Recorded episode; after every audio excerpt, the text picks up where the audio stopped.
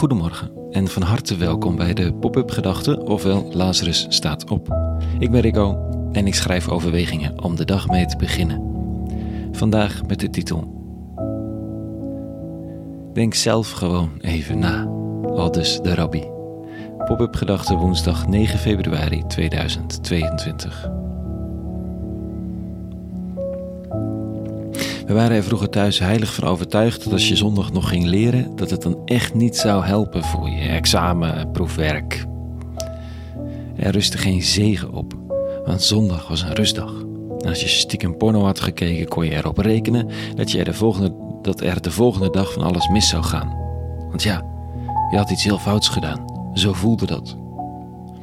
Het zou niet per se God zijn die misschien dan direct als straffende uit ging halen, maar het was in elk geval eigen schuld. En zo waren er nog wel een aantal dingen te bedenken waar een bepaalde magie aan hing. Je moest je aan de regels houden, anders liep het slecht met je af. Dat lijkt alles te maken hebben met een religieuze opvoeding, maar ik leerde pas veel later dat je helemaal geen religie nodig hebt om je schuldig te voelen. Dat lukt ook prima zonder. Eigen schuld, je de haren uit je hoofd trekken omdat je iets doms gedaan hebt en nu vast de wereld of, of iedereen of het heelal of, of karma of wat dan ook zich tegen je keert. Bijgeloof zit diep. En vandaag is dat hoe Jezus min of meer de spijswetten, het reine en onreine eten van zijn tijd lijkt te typeren. Bijgeloof.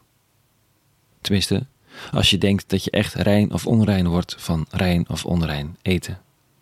Het kan nog steeds een functie hebben, een maatschappelijke functie of een bepaalde mate van gezondheid. Ik bedoel, varkensvlees is nou eenmaal niet het gezondste vlees. Maar religieus onrein ervan worden voor de eeuwige. Dit staat er. In die tijd riep Jezus het volk weer bij zich en sprak tot hen: Luister allemaal naar mij en begrijp dit. Niets kan de mens bezoedelen wat van buitenaf in hem of haar komt. Maar wat uit de mens komt, dat bezoedelt de mens. Als iemand oren heeft om te horen, hij luisteren. Of zij. Nadat hij zich van het volk had teruggetrokken en thuisgekomen was, stelden zijn leerlingen hem vragen over de gelijkenis. Hij antwoordde Begrijpt u ook nog zo weinig? Beseft u dan niet dat al wat van buitenaf in de mens komt, hem niet kan bezoedelen, omdat het niet in zijn hart komt, maar in zijn buik en zijn weg vindt in een zekere plaats? Zo verklaarde hij alle voedsel rein. Marcus, hoofdstuk 7. Dit zijn nogal uitspraken. Dit is secularisatie mede mogelijk gemaakt door de rabbi van Nazareth. Degene die de Zoon van God genoemd wordt, verpersoonlijking van de eeuwige op aarde, raakpunt van hemel en aardsheid. Voor vele van zijn tijdsgenoten, een rabbi, zei het nogal een bijzonder geval. En hij zegt: Weet je wat je wel onrein maakt? En nou ja, boze gedachten, ontucht, diefstal, moord, echtbreuk, hebzucht, kwaadaardigheid, bedrog, losbandigheid, afgunst, godslastering, trots, lichtzinnigheid. Al die slechte dingen komen uit het binnenste en bezoedelen de mens. Alles de rabbi.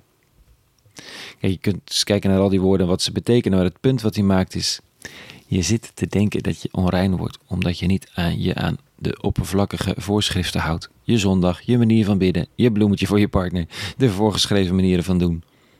Maar dan peil je niet diep genoeg. Hij zegt ook niet dat die rituelen dienen als reminders of hulpmiddelen. Volgens de evangelist schaft hij ze min of meer af. Zo verklaarde hij alle voedsel rein. Je doet je best maar met het eten. De man van Nazareth begint alvast aan een nieuw tijdperk, waar de hulpstukken worden weggegooid, of men nu al kan lopen of niet dan leer je maar lopen, met vallen en opstaan, want de hulpstukken beginnen in de weg te zitten. Ze worden een doel in zichzelf.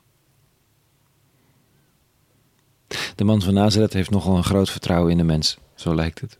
Of misschien is het anders. Hij staat op een punt in een geschiedenis waarop geconcludeerd kan worden dat de middelen die bedacht zijn om te voorkomen dat er fouten worden gemaakt, religieuze rituelen, reminders aan de goddelijke opdracht, weer een eigen leven zijn gaan leiden en je blijkbaar niet kunt voorkomen dat het misgaat.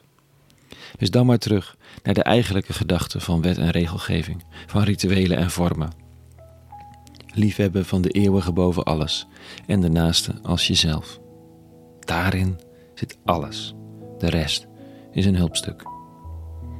En mocht je geen idee hebben bij de eeuwige, die dan lief gehad moet worden, dan is de naaste altijd voorhanden. Wie die werkelijk leert liefhebben, heeft wellicht ook al de liefde aan de eeuwige vervuld.